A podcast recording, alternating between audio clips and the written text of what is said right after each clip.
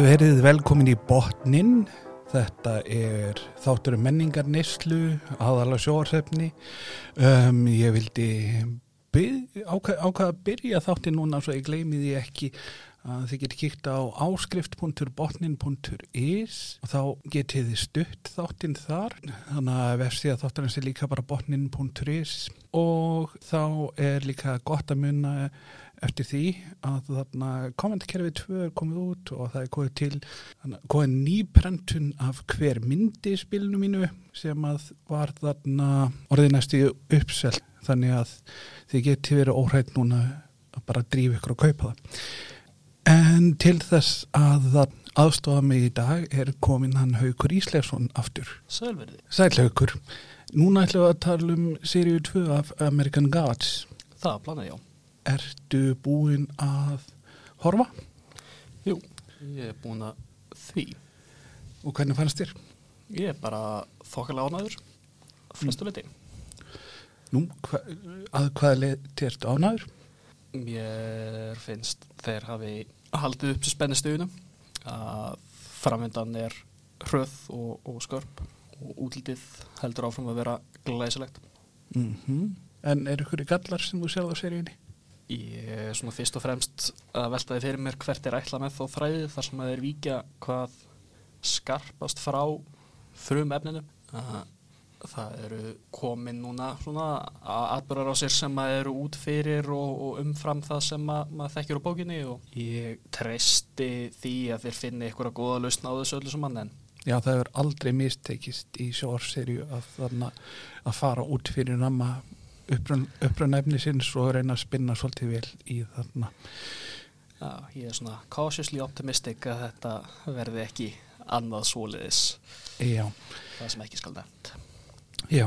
En þannig að serían byrja náttúrulega á hvað heitir það House on the, The House on the Hill. House on the Hill? Já, er er það ekki hryllingsmynd? Eru er öruglega ekki öruglega saman? Það er alltaf þá hana húsið þarna sem er í alveg til í Wisconsin í bandaríkunum. Þú hefur ekki heimstótt það? Nei, ég hef ekki gert svo frægur að hafa heim svo það. Nei, ég er einmitt svona að ef, ég- það er svona næstum því að ef ég myndi fara til bandreikjana þá svona, svona langaði mér svolítið að fara þangað. Þetta er ekki einhvers staðar lengst út í raskandi. Já, já, þetta er í Wisconsin og Wisconsin er svona út í raskati, þetta er svona típist þar sem að einmitt fólk frá norður Evrópu fór. Það fór þarna fram hjá öllum besta ræktalandi í heimi og endaði síðan á, á þarna svæði þar sem að það er of kallt til þess að lifa af veturinn Sannir skandinavar. Það er náttúrulega, já, skandinavar og þjóðverjar, þannig að það er náttúrulega mjög viðeigandi þetta sé svona líkil, líkil þáttur í hana bókinni og seríunni Wisconsin og svona nærlíkjandi svæði. Wisconsin einhvern veginn alltaf koma upp þegar ég svona með við hvað þetta er lítið, eða svona, ekki, eh, það er náttúrulega risa stórt held ég, en með hvað þetta er fámennt ríki þá finnst mér eins og að svona menningarlega séð sé allt miklu meira ábyrjandi þar heldur en svona í öðrum sambærlegum ríkjum bandrækjum aðstærið eða mannfjölda. Já, ég geti vel trúið því að þetta sé ekki eitt af þeim sem maður gleymir þegar maður er að telja upp. Já. Og núna er komið að liðnum Óli og Haukur reyna að telja upp ríkjum bandaríkjana. Alabama, Alaska, Arkansas. það getur verið skemmtilegt.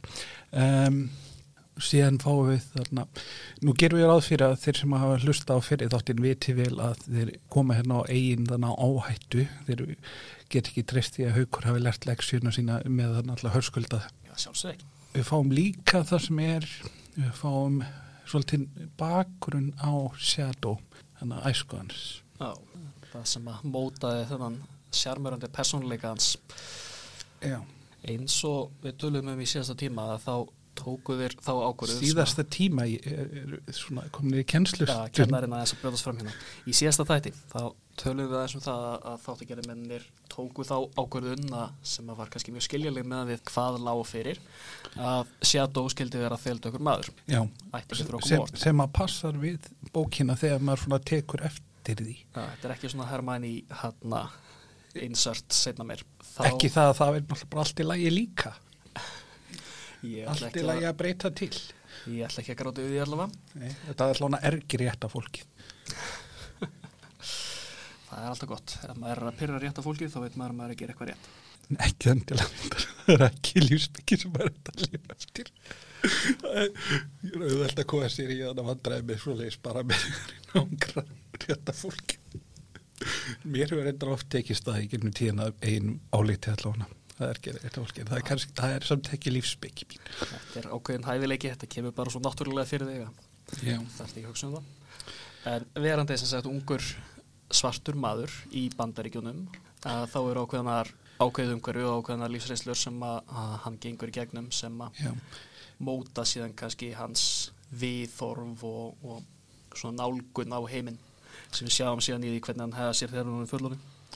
það sem ég fann svona þegar maður horfður þetta núna er- og náttúrulega með við að lesa bókina þá, fer- þá fannst manni svona hluta til svona náttúrulega ekki svona hvernig þeir verða fullornir en manni finnst svona í svo að lífsferill sját og minni svolítið á þarna æsku, æsku Obama því leiti að þeir, eiga hvíta og svarta foreldra og síðan eigða tölverðin tíma í þarna erlendis Já.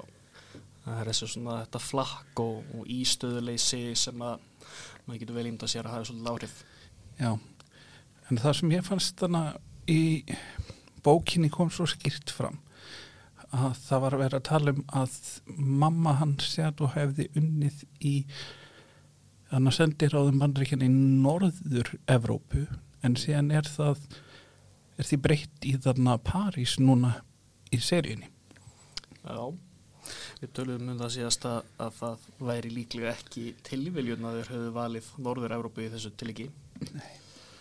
að tengja hann þessu menningarlega bakgrunni sem síðan óð, óðinn og Uh, goðafræðin kemur í að það væri ekki tilviljun að Óðinn skildi byrtast manni sem að, hefði einhvern veginn þessa einsetningu inn í. inn í svona nor nor norður evróska þannig að menningu hafa svona einhver tengsl við það Þáttarhunda þeir voru greinilega ekki sammál okkur um það, þannig að þeir Já, þannig að þeir eru augljóslega hálfvitar sjálfsög. en það er alltaf e, skiptir alltaf líka máli að hann er ekki svona hann passar ekki beinlínis inn í þarna samfélag svartra af því að eins og kemur stundu fyrir að eh, þó að, að þarna hvít fólk sér því þarna sem svartan þá sér svart fólk því sem svona hvítan.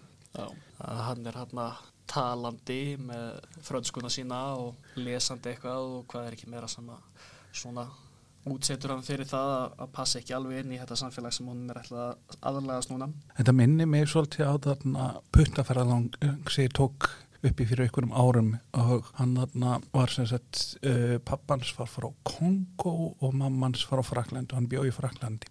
En síðan heimsótt hann Kongo einhver tíman búin að vera búið alla æfi í Fraklandi þar sem, þar sem að hann bara svartur, enginn horfður hann öðrum um og síðan kemur hann til þannig að Kongo og þá er bent á hann hvítur. Já, það er bara svona það er ekki svona hvernig þú ert eins og fólki í kringum því heldur hver, hvernig þú ert öðruvísi já, já. Og þetta er svona þema sem að mér finnst allavega mjög lítið hafi verið komið inn á bókinni að, að Neil Gaiman hafi ekki skrifað mikið sem að bendi til þess að fólk væri að líta á hann sem svartan mann þannig séð. Það er meira í lýsingunum sem að það kemur fram. já, en er eitthvað sem að höfundar þáttana hafa ákveðið að já spila svolítið með en ef maður spáir í svona ákvæmna hluti þá myndi ég nú segja líka að hann sé að stundum sé viðþorfið til hans þannig að, að það sé svona eitthvað sem að er að ergja fólk og kannski er það svona eitthvað svona undirleikjandi rasismi sem að er svona kannski Já, maður getur alveg ímyndað sér það að þetta sé skrifað bara það, það lúmst að hann nefnir aldrei beint út en, en það komið fram í, í viðbróðum sem hann fær frá fólki. Já, því að náttúrulega ferðast um ansi stóran hluta bandaríkjana og, og eins og staði þar sem það er kannski ekki algengt að sé mikið að þeldöku fólki og, og aldrei er það svona látið eins og það sé aðaladrið í hvernig það komið fram við hann. Já en við förum líka um viðan vel í góðafræðinni í þessum þætti. Já, Hver, hverju koma þarna nýjir inn? Ég mann nú helst eftir Mama G. Mama G Já, sem við erum náttúrulega, hún er Kali Ka eða Kalima en hún er náttúrulega svona maður mann svo vel eftir henni úr na, Indiana Jones and the Temple of Doom að þarna vondu kallarnir í Já. þeirri mynd þeir voru svona Kalima, sögðu þeir og þeir voru þessi þarna það sem var kallað Thuggies á sín tíma sem var svona eiginlega svona svona hálfgerð bara bresk sögu sem sögn til þess að réttlægt svona kúun á indverjum sem að síðan Indiana Jones and the Temple of Doom tók upp og svona endur tók gaggrínislaust sem að er þrátt fyrir ímsaðara kosti ja. þá var hann ekki mjög pólitíst rétthugsandi Indiana Jones en það var náttúrulega svona Indiana Jones alveg réttutugsandi það er meira svona höfundan sem hafi ekki alveg nú mikil, náttúrulega bara litar Indiana Jones það hún er svona meir og minna sögur skoðun fólk sem er núna sjö- 70 ára áttrætt sem að þarna frá því að það læriði mannkynsuguna í skóla 1950 eða eitthvað svo leis sem var ekkert skelvilega framsækið svona. en sem var allavega hún var svona Evrópu miðjuð eða svona Evróps bandarist miðjuð Já.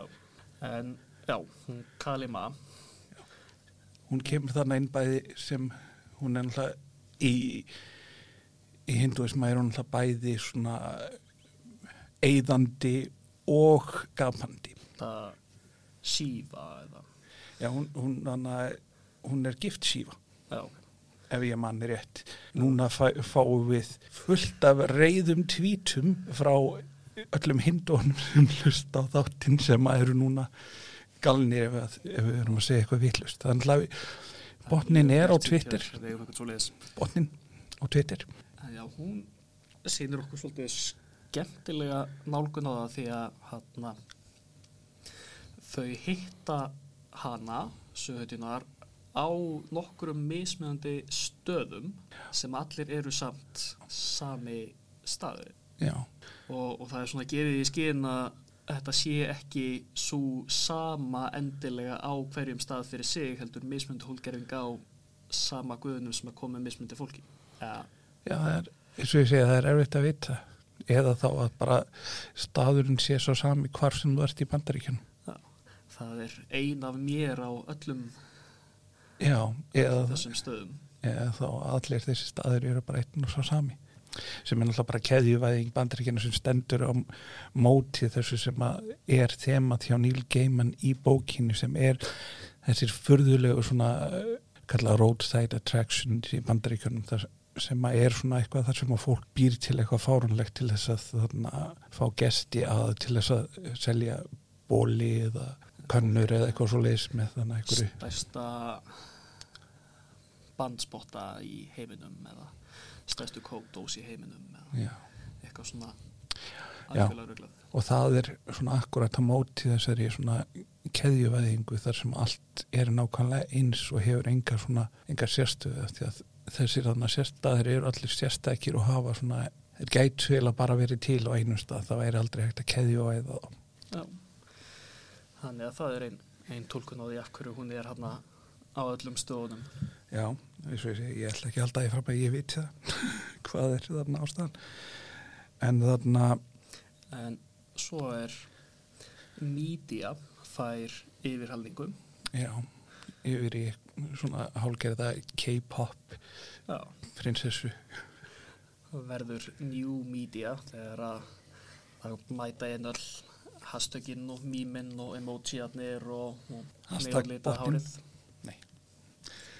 Já, og það er svona önnur önnur pælingum þessa líkunum hjá þeim að þau geta verið til á sama tíma. Þannig að gamla mídja er farin og er komin nú mídja en síðan á sama tíma en þannig að teknistrákurinn og nú mídja eiga svo rosalega mikið þannig að samílegt svona að það er svona erfitt að sjá og það er svona umdeilt svona næstu í valdsvið þeirra. Já, og það skapar náttúrulega ákveðin ákveðin títring milli þeirra að þau eru bæði að reyna að Já. skilgreina hlutverk sitt í þessari nýju uppsetningu þessum já, og, að, og til þess að egna sér fylgjendur sem hann kallast á við fjölgeiðstrú fyrir tíma þar sem að góðin fóru oft inn á annars þarna valsvið og það fór bara eftir í hver var í uppehóldi þér sem að hvert þú myndir tilbyggja til þess að hvort þú vildir freyjað þór til þess að þarna fá góða uppskýru Já, þetta er ekki svo klitt og skórið að það sé bara eitthvað fyrir hvert hlut og ekki meir Nei, þetta, ekki, þetta var ekki alveg svona eins og þannig hjá Karlskirkjuna þar sem að dýlingarnir hafa alveg svona hafa svona, það er búið útluta öllum, öllum hópum svona, þú veist, já ertu þjófur, þá ertu með þennan ertu þannig lögfræðingur þá ertu með þennan. Já, það er ekki þessi svona stífa verkaskipting. En það vantar alltaf svona allt stigveldi alltaf við sem að Jordan Peterson er mjög hrifin af þessu hjá þannig Káðalskirkina hafa svona gott stigveldi allir vita hvað þeir eiga að vera. allir hamíkisamir ekkert all hamíkisam skildýrin. Engin Dragon of Chaos í, í því öllu saman. En já, svo hittum við Argus já. sem að e, hefur hefur svona lifað af og þró, þróast og svona tekið sér svona starra hlutverk heldur en Já, hann fann svona sitt nýs í eftirlitsamfélagi nútímans. Hann, hann náði nú að ergja mér samt þannig eitt af því að það var verið að fara yfir þarna feril argusar og þá var svona, hann var tengdur af því að svona upplýsingar og svo leiðist þá var hann tengdur við þannig bókarsöfn og það var svona endur tekinn þessi þannig mítum að það hefur verið César sem þarna brendi bókastafni í Aleksandri og það fór svolítið í tögunar á mér. Já, það er ekki rétt. Nei, það var og það voru ekki heldur muslimatnir innan gesalapað sem að gera það? Nei, það var einhver annar hópur sem man ekki hvað heitir En Síðan... Margus hefur svo sem mátt uh, lifa betri tíma. Já. Hann er Já, hann... þessu mikilvæga hlutverki að þá er hann kannski ekki Já, það var nú áhugavert hvernig hann náði að þarna og hann er stuðið fann að slá sér upp með New Media Það er svona annars konar uh, skörun á valdsviðira sem að Já, svona er svolítið mikið valdmörk þannig að teknistráksins og hans og svo leiðis hver er, hver er svona hæstrafandi þar? Já, að, meðan að teknidrengurinn og New Media eru svona að slást um stöðuna að þá eru þau eiginlega að stefna á samruna mætti segja. En síðan var annað svona afturkall til þarna fortíðar þar sem var sínt þarna hvað þarna óðinn var að bralla á fjórða áratug síðustu aldar. Hvað fannst þér um þann þátt? Ég er ekkert skjálfilega ánaður meðan. Nei. Af því leiti að mér finnst þetta svolítið svona sveipta hulunni af þessum það, karakter sem að á að vera svolítið Já, já, við getum alveg sagt að því að eins og ég segi það er þannig að við sjáum þannig að þór sem að kemur ekki annars fram nema svona, ein, svona einnis málskrein í þannig að bókinni og er ekki sérst ekki neitt í þannig að nútímanum. En síðan var þarna Kolumbíja bandariska tákvind Já, já en, það sem, en það sem hana, ég þurfti að fletta þessum upp, þetta er ekki hvað svo er hausnum um mér að það var þannig að þannig að Kolumbíu kvikmyndafyrirtæki var með tákmynd sem var hennar svona íkonografía eða hvað ámar að segja hennar þannig útlýtt var svona mjög ætt við þannig rómveskar giðjur en síðan árið 1936 þá fær þessi tákmynd kvikmyndafyrirtækisins eða kvikmyndastúdíósins uppfærslu og minn er þá svona orðin svona, já meira svona amerisk í útlýtti og það er verið að výsa í það þarna í þættinu Já, þetta er skemmtilegt. En eins og gefur að skilja með þetta tífabila þá koma náttúrulega einhverjir nazistar í sögu og, já, og mér fannst það, já. Og skiljalegt svona að þeir hvort að sé við viljandi eða ekki að þeir laðast náttúrulega mjög að óðni og, og þór. Já, en það er náttúrulega, já. Lofa þeim svona endur nýjan lífdaga í gegnum sína hreyfingu. Og það er, uh, mér hefði bara þótt, uh, það hefði mátt gera það allt svo hann betur. mér fannst þetta ekki alveg nógu svona kafa nógu djúpt onni í þetta því að þetta er náttúrulega svona nazismin er eitur en þann dag í dag í öllum sem að hafa áhuga á norrætni góðafræði að þú veist við þurfum alltaf einstakar sinnum að fást við einhver nazista fíbl sem eru líka hrifnir af þessu á, á, á einhverjum bölvuðum rasískum Já, mér finnst þetta svona, þetta þetta var snubbótt fannst mér. hefði mátt nýtast betur. Svona maður hefði skilið þetta ef þetta hefði verið þættir sem hefði komið út fyrir 15 árum síðan eða þeir hefði ekki eitt meira púður í það en þegar að það eru mennfærandi að ganga um götur með Tiki Torches og Já, þeir eru náttúrulega líka farnir þeir eru náttúrulega sumir þeirra eru náttúrulega bókstaflega nazistar sem eru bókstaflega að nota hakakrossin að þá held ég að það sé mikilvægur heldur en hefur oft áður verið að mjög afdráttalust svona svipta þessari þessum mystisisma og, og af þessari mytholíkíu Já, en aftur á móti þá náttúrulega gott að vita til þess að þeir þessi nazistar hafa verið ekki nefnt að horfa á nema svona trailerinn á Amerikan Gods af því að þeir hafa orðið svo reyðir að sjá svartamann í aðalhuturki Æ, það er gott að ég missa þessu. Já Hann tala náttúrulega, hann óðinn nokkru sinnum um það að Shadow minna hann svo á svon sinn. Já, og er það náttúrulega að tala um Þór. Það já. Og við sjáum svona undirförlunum hjá honum í því að hann mjög augljóslega ljúga um hvað varð um Þór. Já, en þarna í þarna sömu var það ekki bara bókstæðlega saman þætti þar sem að sko við fáum þarna líka svona annað aftur hvar við fáum svona inn fleiri norrænar góðsögu góðsögu personur og þannig að alvís sem að þarna í bókinni eh, man ekki hvort það var gert í þarna þáttunum í bókinni þá er það náttúrulega brandari að þarna Shadow heyrir alltaf þegar að vera að tala um alvís heyrir hann alltaf Elvis Já, og alvís er náttúrulega dvergur úr þannig að þetta er alvísmál uh, sem er einmitt ó- ó- óvenjulegt allum þessum góðsögum að þarna þar er Þór sem er þarna klári kallinn. Sindra já, og Dvalinn. Og þurfum að þóla í, í, í því. Það er nú lukkulega þannig af því að alvís hljómar svo mikið eins og Elvis að þeir klúra því ekkert rosalega mikið en uh, Dvalinn, Dvalinn en það er alltaf, þú veist, alltaf, þú veist ég veit svo sem ekki al- alveg nákvæmlega hvernig þetta borið fram fyrir þúsund árum. Nei, nei, en miðað við íslenskan framburða þá eiga bandaríkjamennir merkilega erfitt með það að segja neitt að þessu á skiljanlegan hátt. Já, síðan, já, Sindri. Sindri og Dvalinn alltaf, Sindri Sparkspreyjar já, gnistaflug Sindra. Já. Að, að þarna eru þeir þeir grafa upp um, Það- spjótið.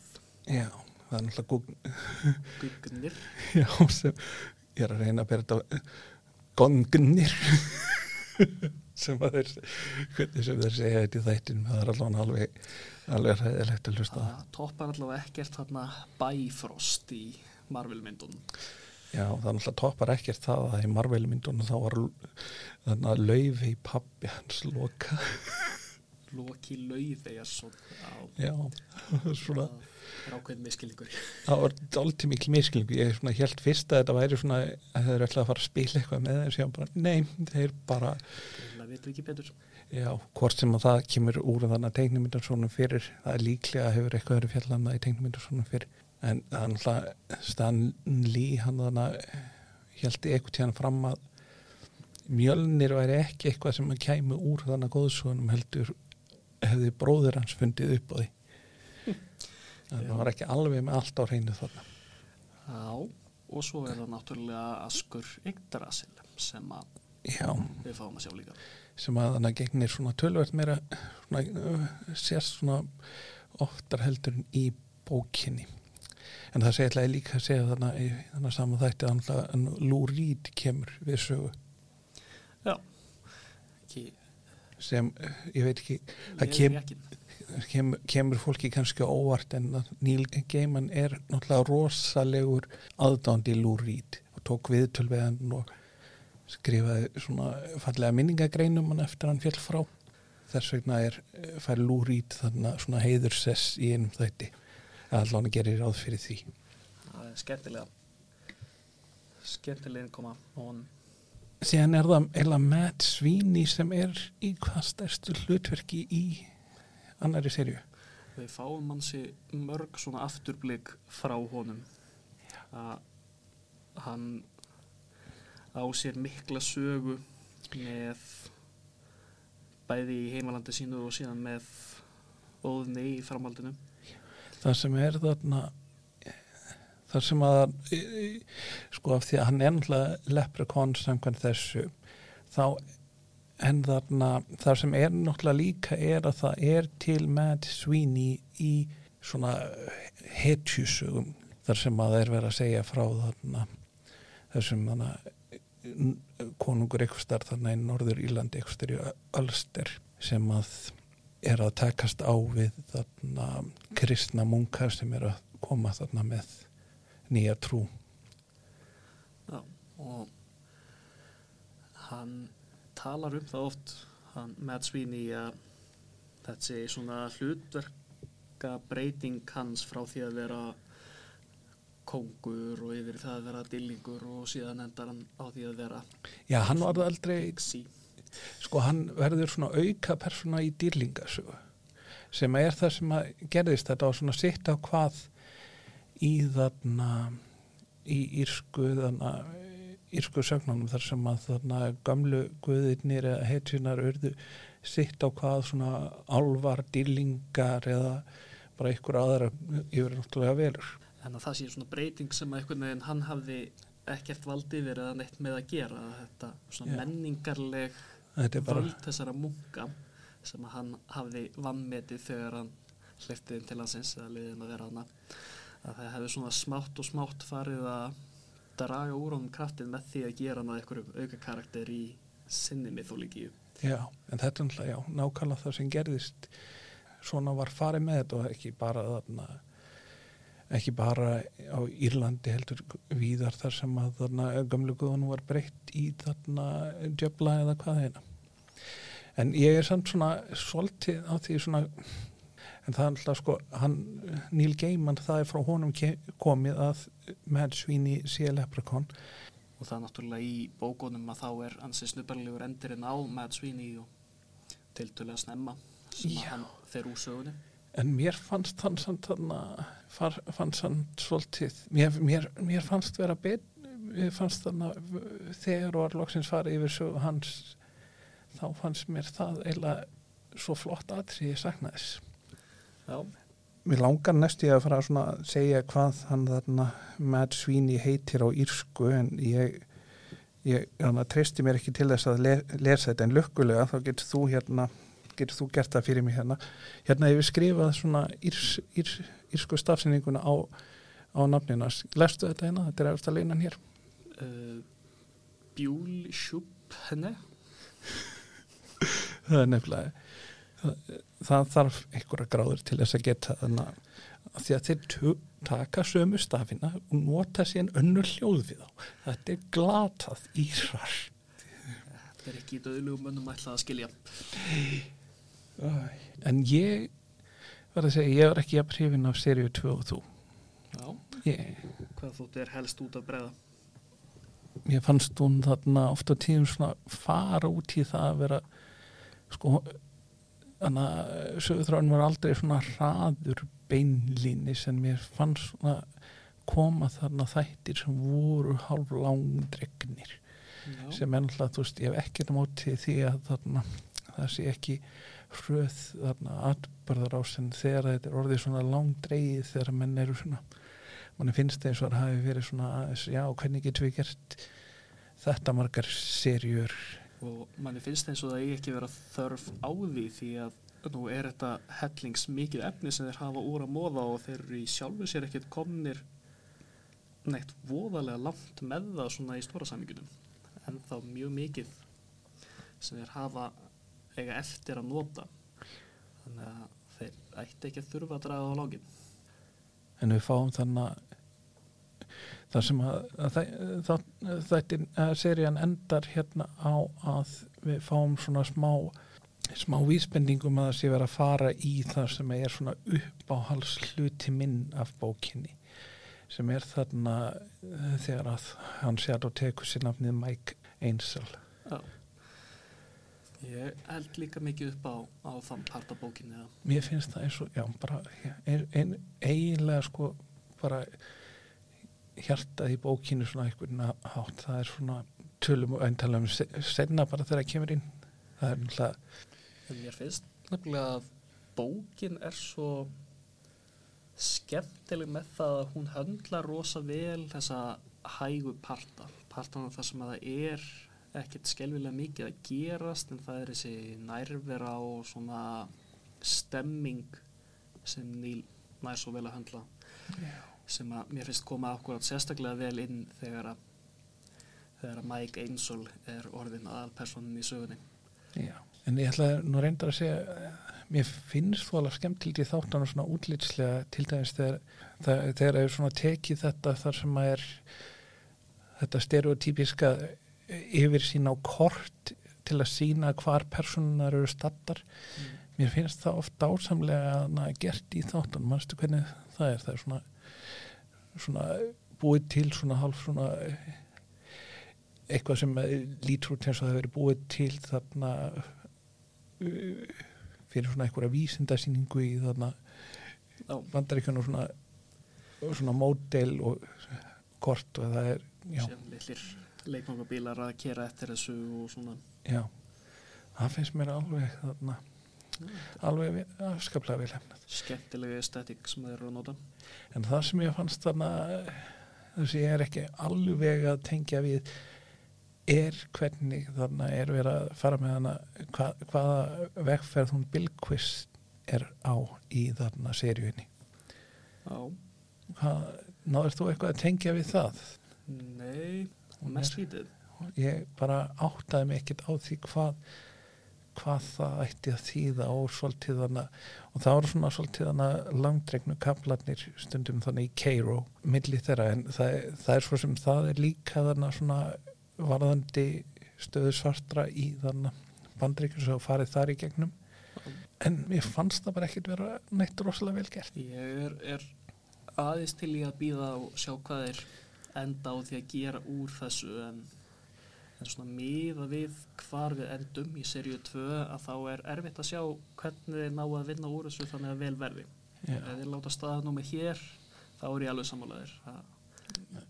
það þurfa að gera þetta þarf að hafa eitthvað svona kos, verða kos til bots í þessu Því ef ég man rétt að þá fara þeir ekki neitt í þessa vegferð í bókinni með Bilquist. Nei, Bilkvís er all, náttúrulega allt öðru- öðruvísi persóna er náttúrulega það er náttúrulega bara hluti af því sem að þannig verður augljósara þegar maður þarf að velja leikara fyrir þannig persónur að það er kannski ekki nógu mikið af hvern hlutverkum í, í bókinni. Og bæði með hana og síðan með hana að það hefur auðvitað verið lagt svolítið í það að, Já, að dykta upp ástæður til þess að halda þeim á skjánum lengur. en við fengum þannig að um saman það Black Crow kom inn í þannig þáttinn. Já. ég var nú gladur að sjá hann og hún er uppáldið á mér. Já, hún, hana, hún er, skemmtileg og ég var svona farin að lengja eftir því, ég held að það er alltaf að klippa hana út með að við hvernig sögutjólar var búin að þróast. Já, en þeir náðu að koma henni fyrir. já, það er en á tölvert á náttúrulega allt annan hátt heldur en í þarna í bókinni svo sem, eins og svo margt annað. Já, það var kannski, ég veit ekki hvort það hefði þótt vera of fáranlegt þarna, eins og hún var í bókinni að hún var þarna puttaferðalangur að það hefði þótt of fjarlægt í dag. Já, að, það, það get ekki lengur get ekki lengur gerst nei, nei, og á fleiri stöðum sem að, puttaferðalög hana, koma inn í þetta sem að er spurning hvort það er ekki að skrifa sig fyrir kringum. já, En já, síðan fóru náttúrulega Matt Sweeney og, og Laura Mooney svaðir för til New Orleans. já, þannig að hútu allt saman þannig að Baron Semedi og ég svo sem náði ekki tengja við fleiri svona persónir sem ég kannast við úr þannig að þessari Nei, ég náði ekki alveg að kveikja á því svona hvort að það væri ykkur að dýbri vísanir þarna sem að ég væri að skjóta fram hjá. en hann svo, eh, svo sem þannig í svona jafnvel í svona stóru land, landi eins og bandaríkina eru þá er náttúrulega er þetta náttúrulega þessi borg og bara Louisiana þetta er náttúrulega tilheyri tölvast öðrum menningar heim í svona upprunalega síðan bara af því að þetta tilheyri frökkum þar til einhver tíðan þegar að þarna Nápolón ákvaða að selja þannig bandaríkjumunum þetta. 1805 eða eitthvað alveg. Já, þar sem að sem er reyndar hefur tengsl við þarna annað sem kefur ekki hana held í fram, það er eh, sem að vantar í hana þáttarauðinu það er tengingin við þræla uppreysnin á Haiti. Já, og það var einmitt þræla uppreysnin á Haiti sem að enda, sem var til þess að af því að þræla uppreysnin þar tókst þá hana ákveðu frakkar að gefast upp á því að vera með svona nýlendur þarna í, í Norður Ameríku yfir höfuð. Já, það var það var, já, mjög stað sterkur kapli ansi blóðugt mál allt saman og Já, já. þið getið heyrt allt um það í Revolutions podcast. Já, ég þetta er alltaf já, ákala merkilegt þannig fyrirbæri þannig að þræluhöfbristnin þannig að heiti hún tók náttúrulega hvað tók þetta mörg ár fyrir þá að þeir náttúrulega eins og margir þá þannig að hugsuðu þannig að þrælanir og heiti þegar þannig að franska byltingin hefði orðið að þessi ströymar kom náttúrulega líka til þeirra þeir vonuðu að þetta myndi svona verða til þess að bæta stöðu þeirra en síðan náttúrulega bara höf, höf, höf, höfðu hvítir frakkar ekkit endilega mik mikinn áhuga á að En það er skiljalegt þegar að, að fólk í heimalandinu er farið að tala um frelsi, jafnrétti og bræðralag og hann svo er þeir með þannig að þræla manna í þrældómi annars staðar í heiminum. Já, en á sama tíma þá getur við ekki gleyma því að þarna frakkar voru líka á þessum tíma með þarna það var þarna þú, þú veist hvernig er Alexandre Dumas þarna Per og Fíle ég er vonlaus í frönskunni þannig ég er ekkert að gera þetta rétt að þannig að afinn í því hann var, hann var hersöfðingi hjá Napoleon þannig að það, það voru þannig svart fólk sem segja Alexander Dumas þannig að feðgarnir þeir áttu þannig svarta forfeður og þar á leiðandi þessi þannig að afinn í rauðinni hann hann náði að verða hersöðingi í Fraklandi í þannig að lok átjóndaldar þannig að þetta var ekkit svona algilt uh, þar eftir byltinguna en til að já, þeir voru náttúrulega með all þessi ljót orð sem við þekkjum um hann þú ert svona mikið svartur eða svona mikið svartur Já, er mikið tilkomið þessi- frá einhverju höfðuriti sem einhver franskir nýlindu herrar skrifið á þessum tíma til þess að aðgreina okkur að hvaða réttindi átti sá að hafa sem var 16. hluti eða eitthvað svo leis það er, og það var töluverð munur á því að það er ekki bara að það væru hvítur og það væru svartir og heiti heldur var ansi stór hluti af þeim sem var eitthvað staðar þarna á milli og þau höfðu oft tölvert önnur pólitísk og, og félagslega réttindi heldur en hann þeir sem að voru taldir vera alsvartir. Og svo sem þarna sem að fer alltaf líka inn í það sem við erum að tala um með þarna Shadow sem að er svona sem að minni mig á þegar þarna Samantha Blackrow er að segja að hún sé með þarna tvo anda að það sé svona einhvern veginn eigi líka við um hann að hann að- af því að hann passar ekki inn í svona þetta svona því að hann er svona þú sérstaklega eh, með við hvernig hann hafa verið sem unglingur nógu svona ljós til þess að já, Já, en samt of dökkur til þess að vera hvítur. já, þetta er reysluheimur sem að við Já, það er, mér, í mér, mér, já, mér finnst það voðalega gott að við sjöum tveir hvíturgörur á Íslandi að þannig fjalla þessum er einslu heims svartra. við myndum leysa rasismann í dag Já, en það, þú veist hver getur gert það, það er heldur en hvítir kallmenn. ég hef ekki við á hver Já, já, en ef við þá að segja þetta gott í dag. Jú, hvað ekki það? Já, en vissur þú að það er til, komnir, hana, komið út þarna, komandi kerfi 2?